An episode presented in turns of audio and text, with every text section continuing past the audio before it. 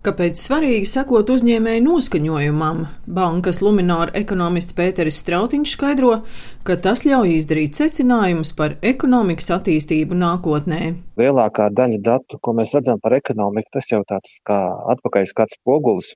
Mēs redzam, kas ir noticis dažreiz pat pēc ilgāka laika. Uzņēmēju noskaņojums, tāpat kā patērētāju noskaņojums, tas ir uh, viens no tā saucamajiem apsteidzošiem rādītājiem, Rūpniekiem jautā, kā jūs sagaidat eh, ražošanas apjoms tuvākajos trīs mēnešos, kā jums izskatās pasūtījuma portfels, patērētājiem jautā, ko viņi domā par valsts ekonomisko situāciju, cik viņi tās uzkrāt un tā tālāk.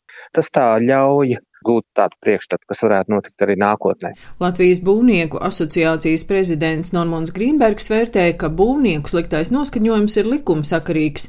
Pandēmijas dēļ kavējās būvmateriālu piegādes, bet karš Ukrainā radīja izmaksu sadārdzinājumu, kam pievienojās energoresursu cenu kāpums.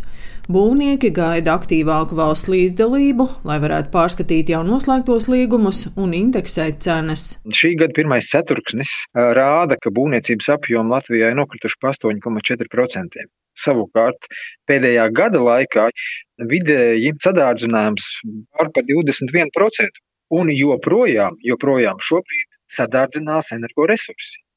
Un šobrīd būvniekam nav kam palūgt palīdzību. Īpaši problēma ir tieši dažādos Eiropas līdzfinansētos objektos, kur ir dažādi nosacījumi, fiksētas cenas, termiņi un iespējas kaut ko mainīt ir ļoti ierobežotas. Visos valsts un pašvaldības um, būvu objektos un pasūtījumos jāmeklē risinājums, jānāk pretī būvniekiem, lai rastu risinājumu, no kurienes sekt šo pēkšņi izaugušo cenu starpību. Un uz visu šī fona likumsakarīgi, ka noskaņojums būvniecībā krīt uz leju. Neapmierinātība pazūd cilvēkiem tad, kad vidējā pārskatāmā periodā viss skaidrs, nav bažas, ka kaut kas neizdosies, nav risku tik lielu, bet ja tā visa nav, tad neapmierinātība, protams, tikai aug. Latvijas Tirzniecības rūpniecības kameras valdes priekšsēdētājs Jānis Enziņš situāciju biznesā vērtē kā sarežģītu un stāsta, ka uzņēmēji gaida saimas lēmumu par likumu Ukrainas kara seku novēršanai, kas paredz atbalstu 94 miljonu eiro apmērā.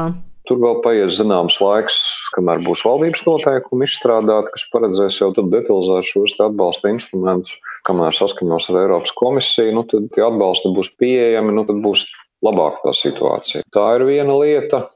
Bet es, godīgi sakot, vairāk pat uztraucos ne tik daudz par to vasaras cēlienu, cik nu, tā pienācīgi sagatavoties visam tam rudens cēlienam. Pirmais, kas ir jānodrošina, jebkurā gadījumā, kas ir pats pats svarīgākais, ir tā enerģētiskā drošība, proti, lai elektrība un gāze kā tāda ir pieejama. Un otra lieta ir eh, izdarīt visu, lai neizveidojas situācija, ka tās cenas, lai kādas arī viņas būtu elektrībai, gāzei, lai viņas nu, būtu tajā cenu līmenī, kas ir reģionā, lai eksportētāji nezaudē konkurētspēju. Ja visai Eiropai tās cenas ir, ir kaut kur līdzīgas, tad tā konkurētspēja nepazūd, un pat pie ļoti augstas cenas ir slikti, bet nav tik bēdīgi, jo nu visiem ir slikti. Bet nu, galvenais neiedzīvoties situācijā, ka Latvijas uzņēmējiem jāmaksā vairāk. Tas ir tas galvenais. Lumināra bankas ekonomists Pēteris Strautiņš pieļauj, ka uzņēmēju noskaņojums arī turpmāk varētu pasliktināties. Riski ir, protams, šis noteikti nav viegls gads. Latvijas ekonomikā tas sākās ļoti labi. Pirmajā ceturksnī būs 6,7%, bet uh, ir uh, situācijas pasliktināšanās risks pavisam noteikti. Kur šobrīd lielākais pesimisms tas ir starp patērētājiem? Un to arī var saprast. Patērētāji saskarās ar strauji augošām cenām, un, un situācija drīzāk vēl drusku pasliktināsies. Uzņēmumiem ir strauji augošas izmaksas, bet viņi arī var labi pacelt cenas. Šobrīd to ir izdarīt diezgan viegli.